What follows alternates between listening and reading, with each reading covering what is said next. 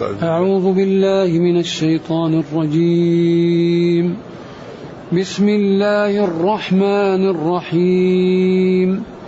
ولو جعلناه ملكا لجعلناه رجلا ولو جعلناه ملكا لجعلناه رجلا وللبسنا عليهم ما يلبسون. ولقد استهزئ برسل من قبلك فحاق بالذين سخروا منهم ما كانوا به يستهزئون. سخروا سخروا. فحاق بالذين سخروا منهم ما كانوا به يستهزئون. قل سيروا في الأرض ثم انظروا كيف كان عاقبه المكذبين قل لمن ما في السماوات والارض قل لله كتب على نفسه الرحمه ليجمعنكم إلى يوم القيامه لا ريب فيه الذين خسروا أنفسهم فهم لا يؤمنون. الحمد لله الحمد لله الذي أنزل إلينا أشمل الكتاب وأرسل إلينا أفضل الرسل وجعلنا خير أمة أخرجت للناس. فله الحمد وله الشكر على هذه النعم العظيمة والآلاء الجسيمة والصلاة والسلام على خير خلق الله. وعلى آله وأصحابه ومن اهتدى بهداه. أما بعد فإن الله تعالى يبين أن الكفار لو أجيبوا إلى طلبهم لكان ذلك مدعاة لهلاكهم. لذلك ربنا يدبر الأمر للجميع. يدبر الأمر للمتقين ويرحمه ويغفر له السيئات ويتجاوز عن سيئاته ويدبر للكافر فيرحمه في الدنيا ويفسح له في الأجل ويعطيه المال والقوة والرزق وقد يوفقه لأن يتوب قبل أن يموت. فهو يرحم الجميع في الدنيا. لذلك قالوا وقالوا لولا نزل هل لا نزل عليه ملك؟ يعني ينزل معه ويقول هذا رسول. قال ولو أنزلنا ملكا لقضي الأمر. وإلا ما أعطي من البراهين والأدلة يكفي. لأنه هو جاءهم بكتاب وقال لهم أنا برهان صدقي والدلالة على أني رسول هذا الكتاب. هذا الكتاب أيضا من جنس كلامكم. وأنتم أصحاب فصاحة. وبلاغة. وملكتم من ذلك الذروة. طيب وأنا برهاني على على على الرسالة هذا الكلام فأتوا بمثله. إذا هذا أكبر برهان. البرهان الثاني أنهم كانوا يسمونه الأمين. وبعد الأربعين يأتي بكلام ليس من جنس كلامهم. الكلام الذي جاء به والمعاني التي جاء بها والأساليب التي جاء بها. هذه أمور كبيرة. مستوى راقي ما هو مستوى معروف بينهم. الجميل بينهم كانت المعلقات. المعلقات كلها تدور على أربع معاني. وبعدين معاني في غاية التفاهة في غاية الضحالة. أيوة هذا يقول أنا أبكي لأحبة ولديار. ولأثافي ولمنازل هذه المنازل بين كذا وكذا. يعني أمور تافهة. ما هو أشعرهم؟ امرؤ القيس يقول قفاء نبكي من ذكرى حبيب ومنزلي بسقط اللواء بين الدخول فحومل. طيب تعال نبكي. من ذكرى الأحبة التي منازلها بين كذا وكذا. يعني أمور ضحلة. أما هذا الكتاب أوله الثناء بالجميل للمعبود بحق الذي أوجد الكون. الذي شملت رحمته جميع الخلق وخص المسلمين برحمة خاصة. أين هذا من هذا؟ أين الثرى من الثريا؟ إذا هذه نقلة لا تخفى على من له عقل لا تخفى على من له بصيرة. فهذا الكتاب جاء بأمور عجيبة وجاء بأشياء يعني لا تحتاج إلى غير. فهم هنا يقولوا وقالوا هؤلاء لولا أنزل عليه ملك. هل لا أنزل عليه ملك؟ طيب ما ما لا تريدون بالملك وهو جاءكم بكلام وقال لكم إنه من عند الله فإن كذبتم به فأتوا بمثله فعجزتم. أبعد هذا تحتاجون إلى شيء؟ ولو أنزلنا ملكا لو فرضنا أننا أنزلنا ملكا لقضي الأمر لهلكوا. إما لأنه تقام عليهم الحجة ويكذبون أو لأن الملك إذا رأوه في صورته صعقوا. لأنه جنس لا تتحمل البشرية رؤيته. فإذا جاء الملك ورأوه في صورته ما استطاع أن يعيشوا يموتون. أو أنهم إذا جاءهم الملك ولم يؤمنوا به يعني أوقع بهم الهلاك كما أوقع بقوم صالح. لما قالوا لا نؤمن لك حتى تخرج لنا من هذه الصخرة ناقة. فدعا فخرجت فعقروها. فقال تمتعوا في داركم. خلاص أهلكوا. إذا وآتينا ثمود الناقة مبصرة فظلموا بها وما نرسل بالآيات إلا تخويفا. إذا ولو أنزلنا ملكا لقضي الأمر لهلكوا إما لرؤيتهم للملك أو لتكذيبهم إذا جاءهم الملك. ثم لا ينظرون لا يمهلون ولا يؤخرون. ثم قال ولو فرضنا أننا جئنا بملك لجعلناه رجلا لأن بشرية الخلق لا تتحمل رؤية الملائكة على خليقتهم. ولو جعلناه ملكا لجعلناه رجلا. ولو جعلناه رجلا لقالوا هذا ليس بملك هذا رجل وللبسنا عليهم ما يلبسون. لبس الأمر يلبسه إذا خلطه ولبس الثوب يلبسه إذا ستر به جسمه. إذا لبس الأمر يلبسه إذا خلطه ولبس الثوب يلبسه ومن ذلك قال والبس عليه سملك. نعم. ولو جعلناه المطلوب ملكا لغيرنا شكله وجعلناه رجلا. ولو غيرنا شكله وجعلناه رجلا لقالوا هذا ليس بملك وإنما هو رجل ولا اختلط عليهم ما يحال أن يخلطوا علينا. اذا هم عندهم. من الأدلة والبراهين ما يكفي عن المطالبة بالزيادة ولكنهم ناس كفروا عياذا بالله والله تعالى كتب على بعضهم الشقاوة وإلا ما جاء فهو كافي. وتقوم به الحجة ثم سلى نبيه صلى الله عليه وسلم وبين له أن ما حصل من قومه وممن كان يعيش معه من الكفار حصل لجميع الرسل. فهذا نوع من يعني التسلية والطمأنينة للنبي صلى الله عليه وسلم وتثبيت قلبه. ولقد استهزئ برسل من قبله ولقد تأكيد. استهزئ الاستهزاء هو أن تظهر للشخص إكرامه وفي طيات ذلك الإهانة. أيوة. أن تظهر للإنسان أنك تحترمه وأنت تهينه أيوة.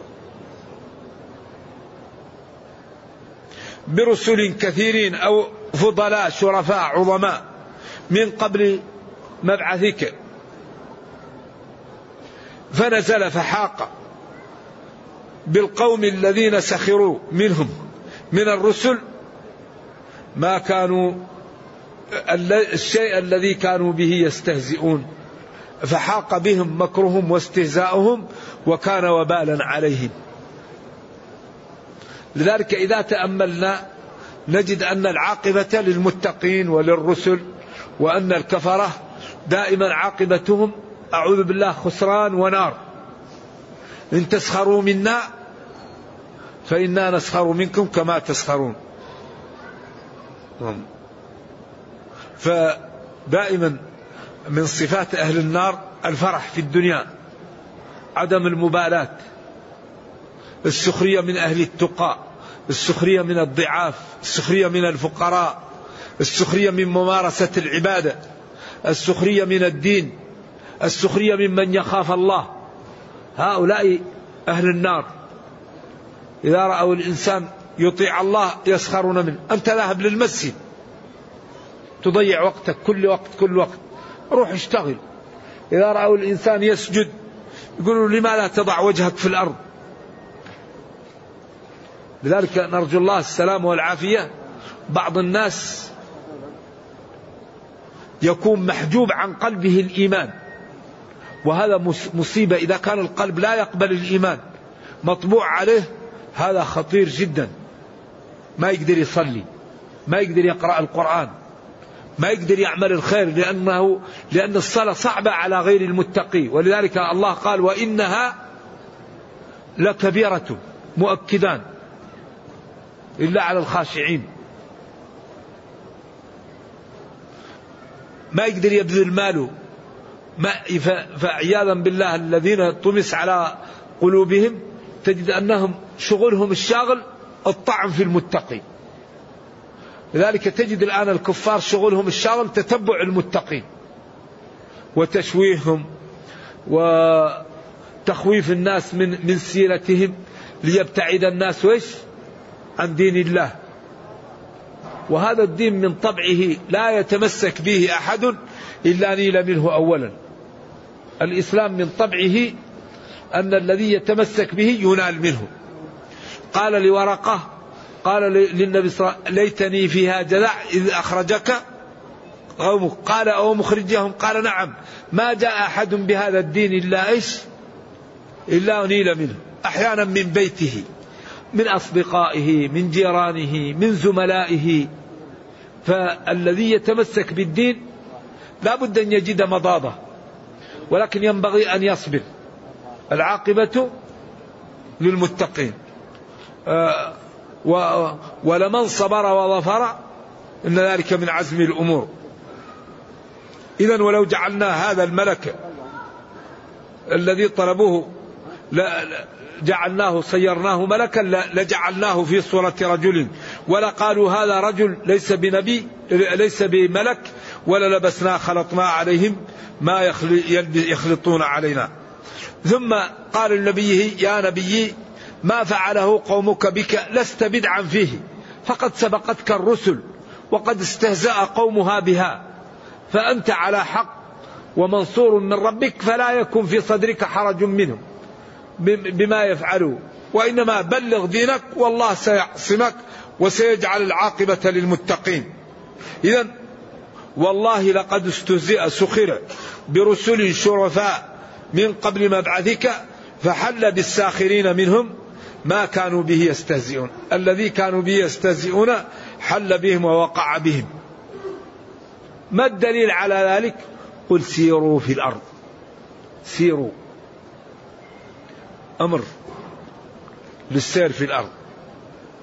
بعدين قال ثم انظروا. قال العلماء عطف بثم للبعد بين الأمرين. الأمر الأول للإرشاد والإباحة والأمر الثاني للوجوب. سيروا هذا للإباحة والإرشاد. سيروا للتجارة للبيع للتأمل للاعتبار للفسحة. سيروا في الأرض. لكن إذا سرتم في الأرض ثم انظروا.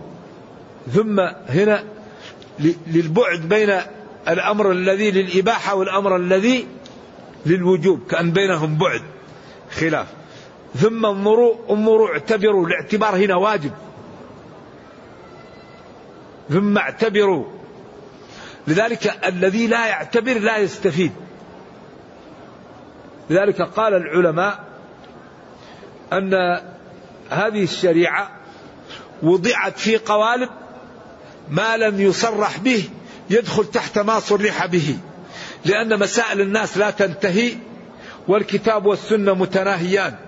فوضعت في قوالب كل ما استجد شيء يحصل له ما لا يحصل له آه، حكم. وأكبر دليل على ذلك الرجل الذي جاء للنبي صلى الله عليه وسلم وقال له إن زوجي ولدت غلاما. كلا أيوة لونه يختلف عن لونها أسود. فهو قال هل لك من إبل؟ قال نعم. بعدين هنا هذا التعبير بالبيئة لأن الأعراب يفهموا الإبل. قال له هل ما ألوانها؟ قال حمر. قال هل فيها من أورق؟ قال نعم. قال من أين جاءه الورق؟ إذا الولد لونه يختلف عن لون الأب والأم. والإبل حمر وفيها واحد أورق لونه يختلف. من قال له من أين جاءه؟ قال له لعل عرقا نزعه. قال له ولعل الولد عرقا نزعه. فالأعرابي فهم وفرح وعلى طول استوعب وراح أصل وفرع وعلة وحكم والحديث صحيح. لذلك قال ربنا فاعتبروا يا أولي الأبصار. إذا قال قل سيروا في الأرض امشوا في الأرض. فإذا مشيتم انظروا نظر للوجوب. كيف حال كان ما مضى عاقبة نتيجة ومآل وآخرة المكذبين. قال وإنكم لتمرون عليهم مصبحين وبالليل أفلا تعقلون؟ لقد كان في قصصهم عبرة لأولي الألباب. ما كان حديثا يفترى ولكن تصديق الذي بين يديه. إذا هذه الحكايات وهذا الأمر هو لتحقيق التوحيد وبيان أن الله جل وعلا هو المعبود بحق وأن محمدا صلى الله عليه وسلم مرسل من عند الله وقد وعد المصدق به الجنة وأوعد المكذب به النار فينبغي لكل واحد أن يبادر أن يبادر بالاستقامة قبل أن يفوت عليه الأوان وتضيع عليه الفرصة فيندم في وقت لا ينفع الندم. قل سيروا في الأرض. أمشوا في الأرض. آه هذا أمر للإباحة والإرشاد. ثم لترتيب البعد بين الأمرين. انظروا نظر للوجوب وللاعتبار. كيف حاله الكيف يسأل به عن الأحوال. كان للماضي عاقبة مآل ونتيجة المكذبين. فإذا استعرضنا المكذبين قوم فرعون أغرقوا. قوم صالح أهلكوا قوم لوط أوبقوا قوم هود أعمل بهم قوم شعيب كل هؤلاء المكذبين. يعني كل واحد جاءته مصيبة وعمل به ما عمل به. إذا ينبغي أن تعتبروا وتتجنبوا مسالك هؤلاء حتى لا تلحقوا بهم في الهلكة. قل سيروا في الأرض أي امشوا في الأرض. ثم بعد ذلك البعد انظروا للوجوب كيف الحال التي كانت هي النهاية للمكذبين. ثم قال جل وعلا قل لمن ما في السماوات والأرض. هذا كالنتيجة والبرهان والدليل. قل يا نبي لمن ما في السماوات والأرض؟ لمن ما في السماوات والأرض؟ فإن لم يجيبوا أو أجابوا فقل لله.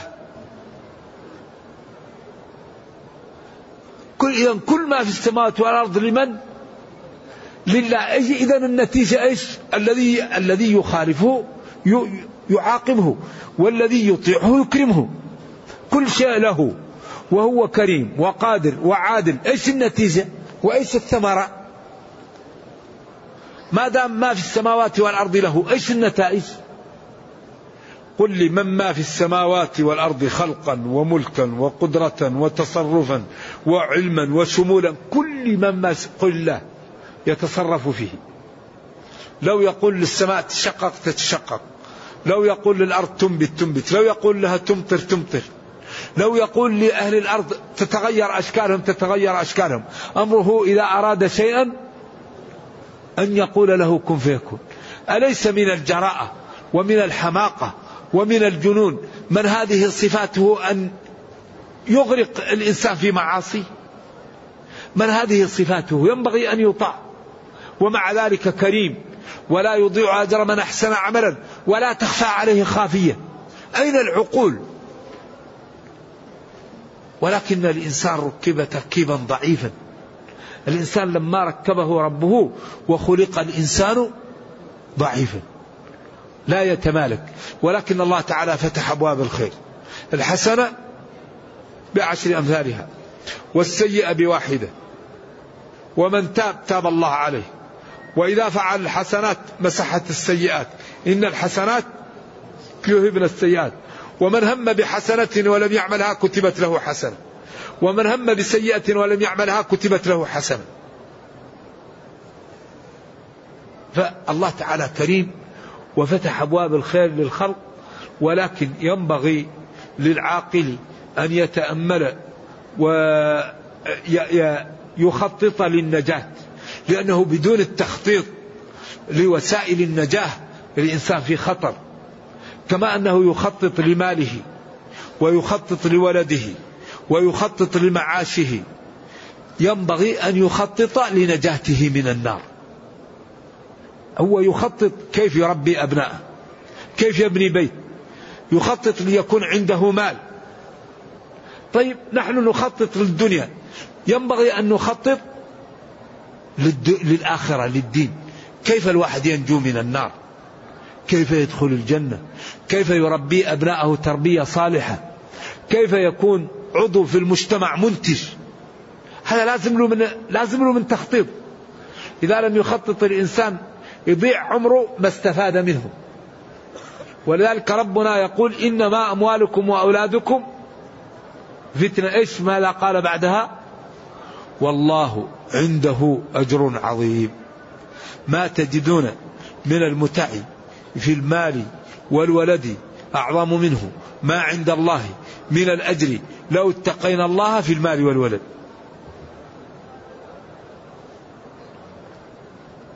إذا لهم قل لمن ما في السماوات والأرض. قل لله. سواء فإن لم يجيبوك فقل الله أو قل لهم لله قبل أن يقول لهم. قل, قل لهم لمن ما في السماوات والأرض قل لله. أو فإن عجزوا فقل الله. ولكنه جل وعلا رحيم بخلقه وفتح لهم باب حتى لا ييأسوا لأنه يملك كل شيء ولكنه جل وعلا كتب على نفسه الرحمة. ولذلك عنده فوق عرشه إن رحمتي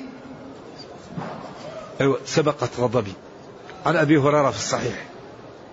إن رحمتي سبقت غضبي. ورحمتي وسعت كل شيء. فسأكتبها للذين يتقون ويؤتون الزكاة والذين هم بآياتنا يؤمنون. الذين يتبعون الرسول النبي الأمي الذي يجدونه مكتوبا عندهم الآية. إذا رحمة الله وسعت كل شيء. لكن يعني شرعه وحكمته وأقتضت أن من يموت على الكفر لا يرحم. لذلك أكبر نقمة أن الإنسان يموت على غير التوحيد. هذه هي المشكلة الكبيرة.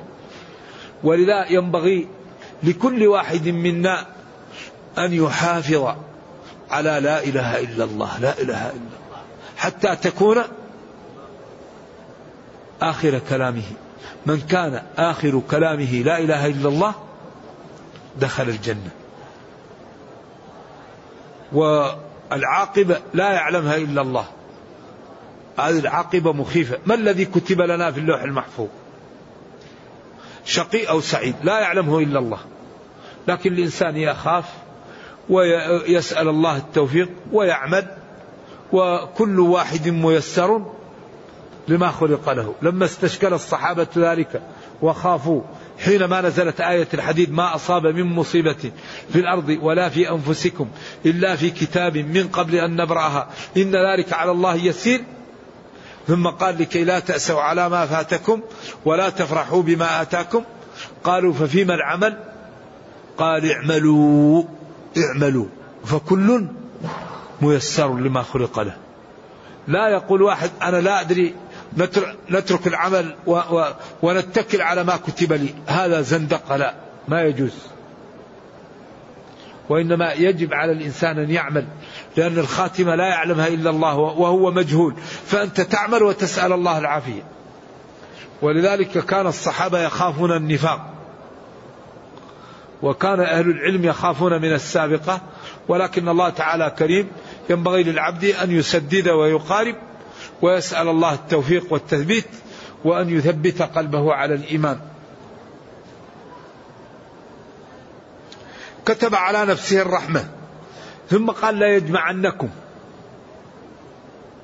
كتب على نفسه الرحمة لا يجمعنكم بالرزق والإفادة ولكن إلى يوم القيامة حيث يجعل المتقين في طريق والمجرمين في طريق. لا يجمعنكم إلى يوم القيامة. كتب ربكم على نفسه الرحمة للجميع في الدنيا. ولكن إذا جمعكم يوم القيامة يعطي للمتقين يستمر الرحمة معهم والكفار عياذا بالله يوم القيامة ما في رحمة لهم لأنهم ما لهم إلا النار. وقدمنا إلى ما عملوا من عمل فجعلناه هباء منثورا.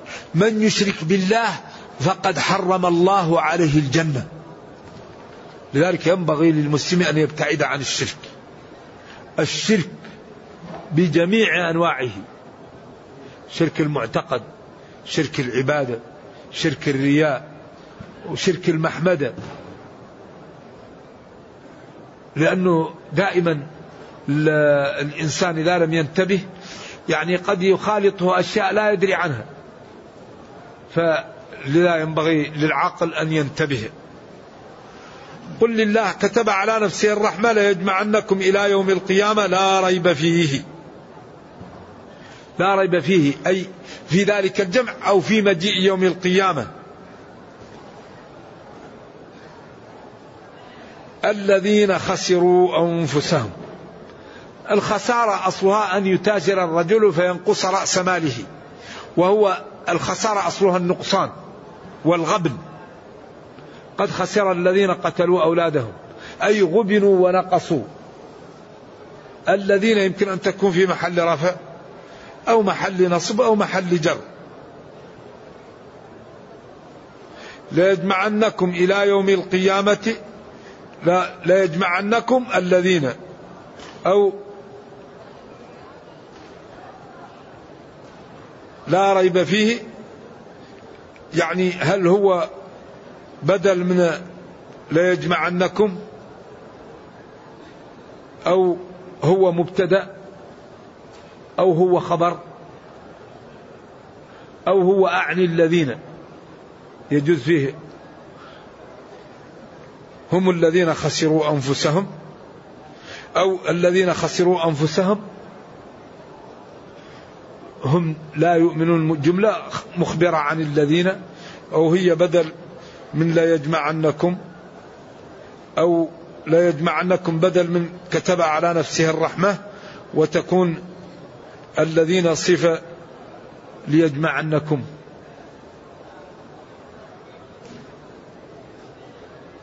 هؤلاء لا يؤمنون. وجاء الفاء لأن الذين فيها معنى الشرط لأنها موصول. الذين خسروا أنفسهم بترك رأس المال وعدم استعماله فيما شرع له. كل إنسان بينه وبين الله صفقة. فرأس المال هو العمر. والمتاجرة مع الله بأن هذا العمر يستغله في طاعة الله. فإذا ضيع العبد رأس ماله وهو العمر ولم يطع الله ولم يعمل فيه فقد نفسه وفقد منزله من الجنة. وأبدل به منزل من النار. ولذلك قال جل وعلا قل إن الخاسرين الذين خسروا أنفسهم وأهليهم يوم القيامة ألا ذلك هو الخسران المبين. لذلك قال أوفوا بعهدي أوفي بعهدكم وقال إن الله اشترى. فكل عبد بينه وبين الله مبايعة أو مبادلة فالعبد أعطاه الرب العقل ورأس المال وهو وهو العمر وقال له أعمل فيه. ولك الجنة ولك الخير في الدنيا. فهذه مرابحة مع الله. أوفوا بعهدي أوفي بعهدكم. أقمتم الصلاة وآتيتم الزكاة وآمنتم برسلي وعزرتموهم وأقرضتم الله قرضا حسنا. إيش الجزاء؟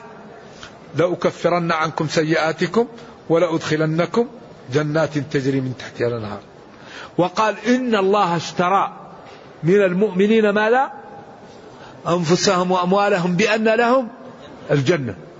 إذا هذه صفقات فالله أعطى للعبد رأس المال وقال له تاجر استعمله ولك مني الجنة ولك مني العزة في الدنيا. فمن وفى بالطريق وعمل لله وأخلص واتبع شرع الله ويعني اقتدى بالأنبياء وجعلهم أسوة حسنة حسن الدنيا هو أخراه في الغالب. وإذا مات دخل الجنة. ومن لعب ولم ينتهي قد يجد شيء في الدنيا وفي الآخرة لا يجد شيئا كذلك كما قال وما ومن أراد العاجلة عجلنا له. إيش الآية؟ لا لا. من كان يريد العاجلة عجلنا له فيها ما نشاء لمن نريد. خصص. خصصها لأن الآية الأخرى من أراد الدنيا نعطيه لكن خصصها بقوله ما نشاء لمن نريد. ثم جعلنا له جهنم يصلها مذموما مدحورا. ومن أراد الآخرة وسعى لها سعيها وهو مؤمن. هذه وهو مؤمن مهمة جدا. لأن لا بد من الإيمان للعمل. والله لا عذر لنا بعد هذا البيان. هذا بيان للناس. هذه طريق واضحة ينبغي لكل واحد منا أن ينتبه قبل أن يفوت الأوان. هذا كله. ثم برهن على ذلك بالآيات القادمة. إذا هذه الآية برهان على أن ما أخبر به من إكرام المتقين وعقوبة المجرمين قادر على فعله لكونه جل وعلا له ما في السماوات والأرض. قال قل لله. وأن ربنا كريم لا يهلك عليه إلا هلك كتب على نفسه الرحمة. لا يجمعنكم جميعا إلى يوم القيامة. وفي الدنيا يرحمكم جميعا وفي الآخرة يرحم من؟ المؤمنين. كما قال وكان بالمؤمنين رحيما. الذين نقصوا أنفسهم حظوظهم وماتوا على الكفر واستمروا عليه فهم لا يؤمنون عياذا بالله يبقون على الكفر إلى ما لا نهاية ويجدون من العقوبة ومن العذاب ما الله به عليم. نعم. ونترك إذا كانت فيها أسئلة أو شيء. ما في أسئلة؟ ما في أسئلة من الإخوان؟ طيب إذا نستمر. ثم يقول جل وعلا وله ما سكن في الليل والنهار وهو السميع العليم. هذا كله امتداد لقدرة الله تعالى وبيان لأن ما أراده بالخلق يقع. هذا بيان لقدرة الله وأن ما أراده يقع والنتيجة أن يبادر الخلق بالطاعة ويبتعد عن المعاصي. وله أي لله ما سكن وتحرك. ما سكن. بالليل والنهار وما تحرك فيهما. أي له كل شيء. قال وله كل شيء. الآية اللي قبلها إيش؟ وله كل شيء. كل شيء له. وله ما سكن في الليل والنهار. قالوا قدم السكون لأنه أكثر. كل متحرك يسكن وقد يكون بعض الأمور ساكنة لا تتحرك. له ما سكن. جبال الأرض البحار وتحرك. ولكن ترك هذا كما قال سرابيل تقيكم الحر والبرد. نعم. وله جل وعلا ما سكن في الليل وما سكن في النهار وله ما تحرك في الليل وما تحرك في النهار. وهو السميع لأقوالكم العليم بنياتكم إذا كيف يكون المهرب؟ كيف يكون المهرب؟ كيف تكون النجاة؟ كل شيء له. وهو السميع العليم. ما يقول أحد شيء إلا يسمعه ولا يفكر في شيء إلا يعلمه. إذا كيف يكون؟ إذا لا بد من الصدق. لا بد من الصدق. لا بد من العمل بالجد. لأن الله قادر. وكل شيء ملكه ولا تخفى عليه خافية. وأمره إذا أراد شيئا أن يقول له كن فيكون. إذا النتيجة الاستقامة الاستقامة والتوبة والعمل بطاعة الله وتنفيذ الأوامر واجتناب النواهي والتأدب بالآداب المطلوبة والتخلق بالأخلاق المحمودة والبعد عن الرذائل والمعاصي والفسوق والكفر والعصيان عند ذلك العبد يعزه الله في الدنيا ويرحمه في الأخرى وينجيه من أعدائه ويوفقه ويعطيه ما يريد لأن الله كريم وقادر وهذه صفته وله ما سكن في الليل والنهار. كل شيء له وهو السميع العليم. ثم قال جل وعلا قل لهم يا نبي أغير الله أتخذ وليا؟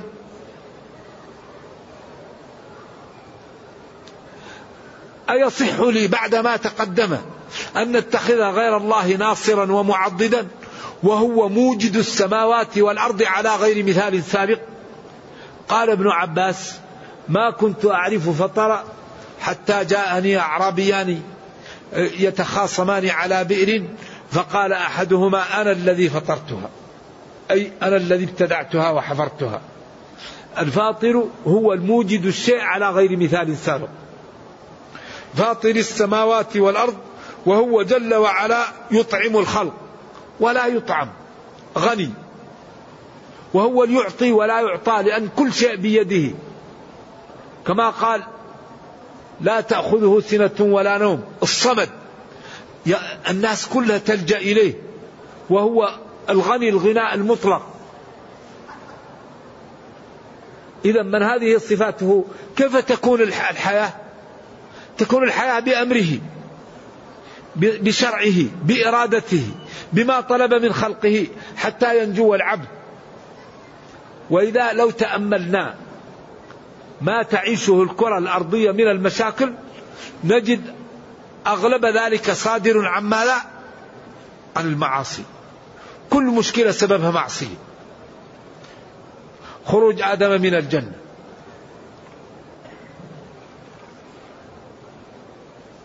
أي مشكلة؟ قتل هابيل لقابيل.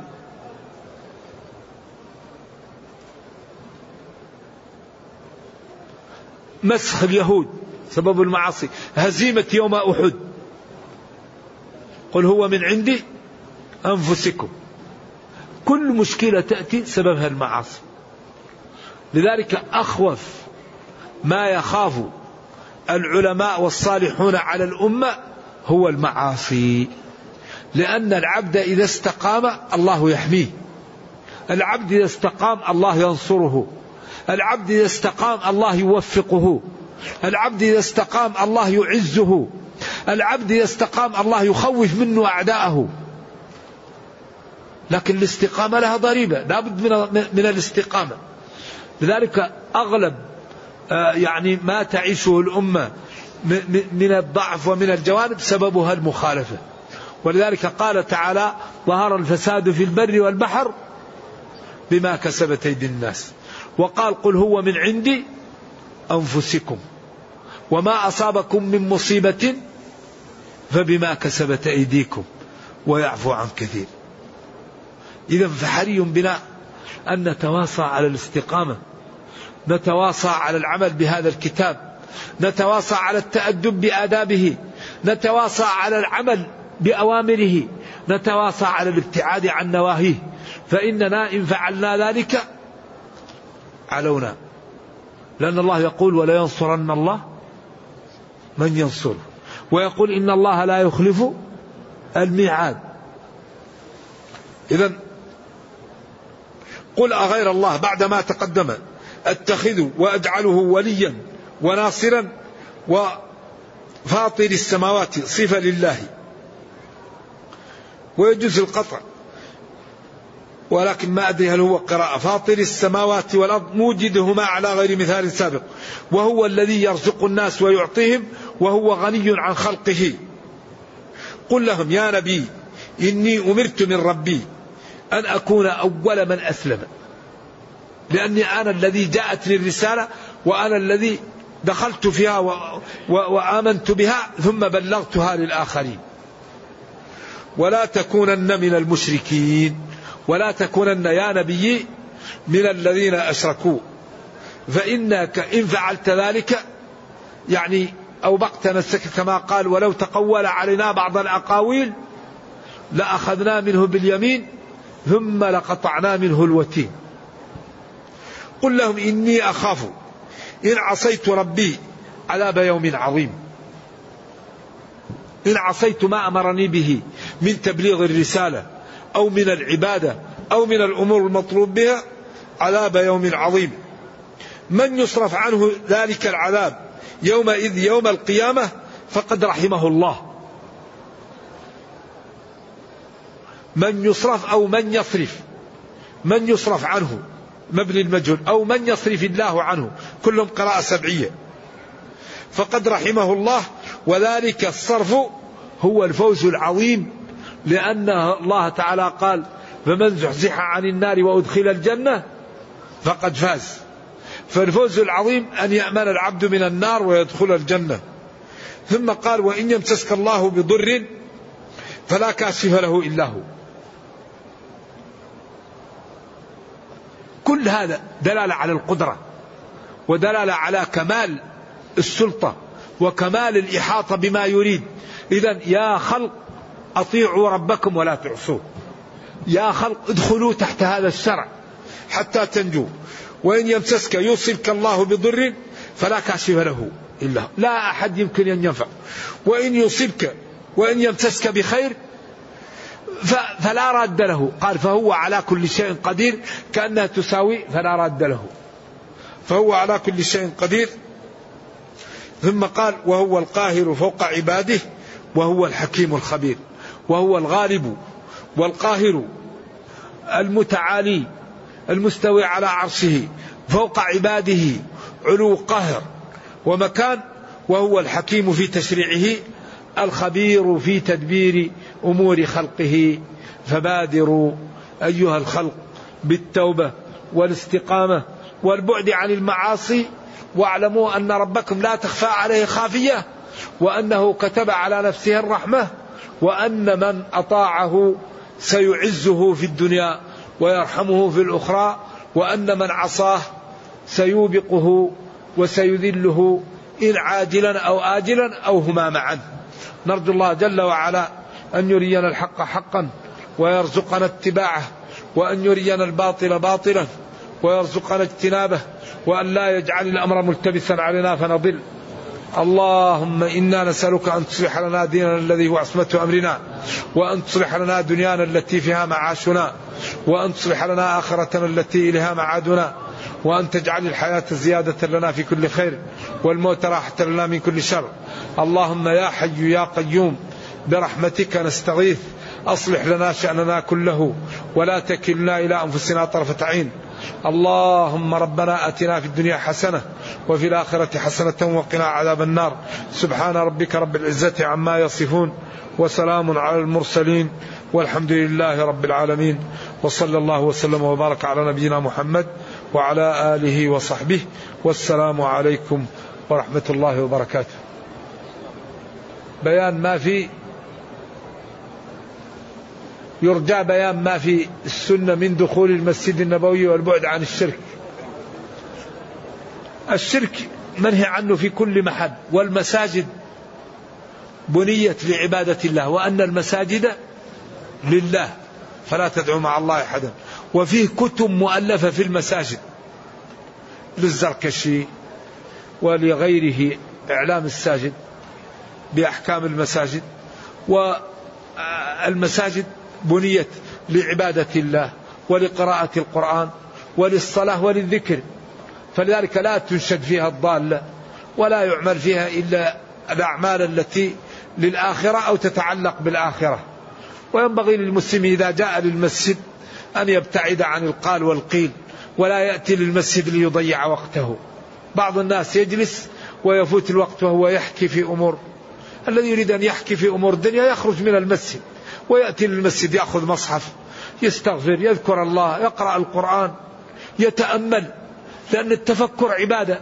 ما لا كيف ننجو من كيف لا ننجو من عذاب القبر؟ كيف نكون طيب؟ كيف نتوب إلى الله؟ كيف نستغفر؟ ولذلك من إسلام المرء تجد كثير من المسلمين يجلس في في الحرم من العصر إلى العشاء ويكون فائدته قليلة جدا.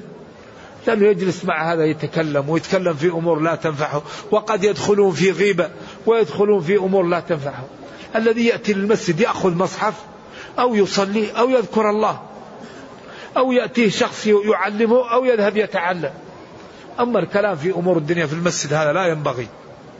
كما أنه ينبغي إذا جاء للمسجد أن الجهاز هذا يجعله صامت أو يجعله على الهزاز إذا كان عنده ضرورة. أما إذا لم يكن عنده ضرورة فيقفله أو يخليه في البيت أو في العربة خارج المسجد. إلا إذا كان هناك ضرورة. ولذلك ينبغي للمسلم أن يعتني بوقته وينتج. لأن الناس إذا الواحد كان بصيرا بالوقت أنتج لحياته.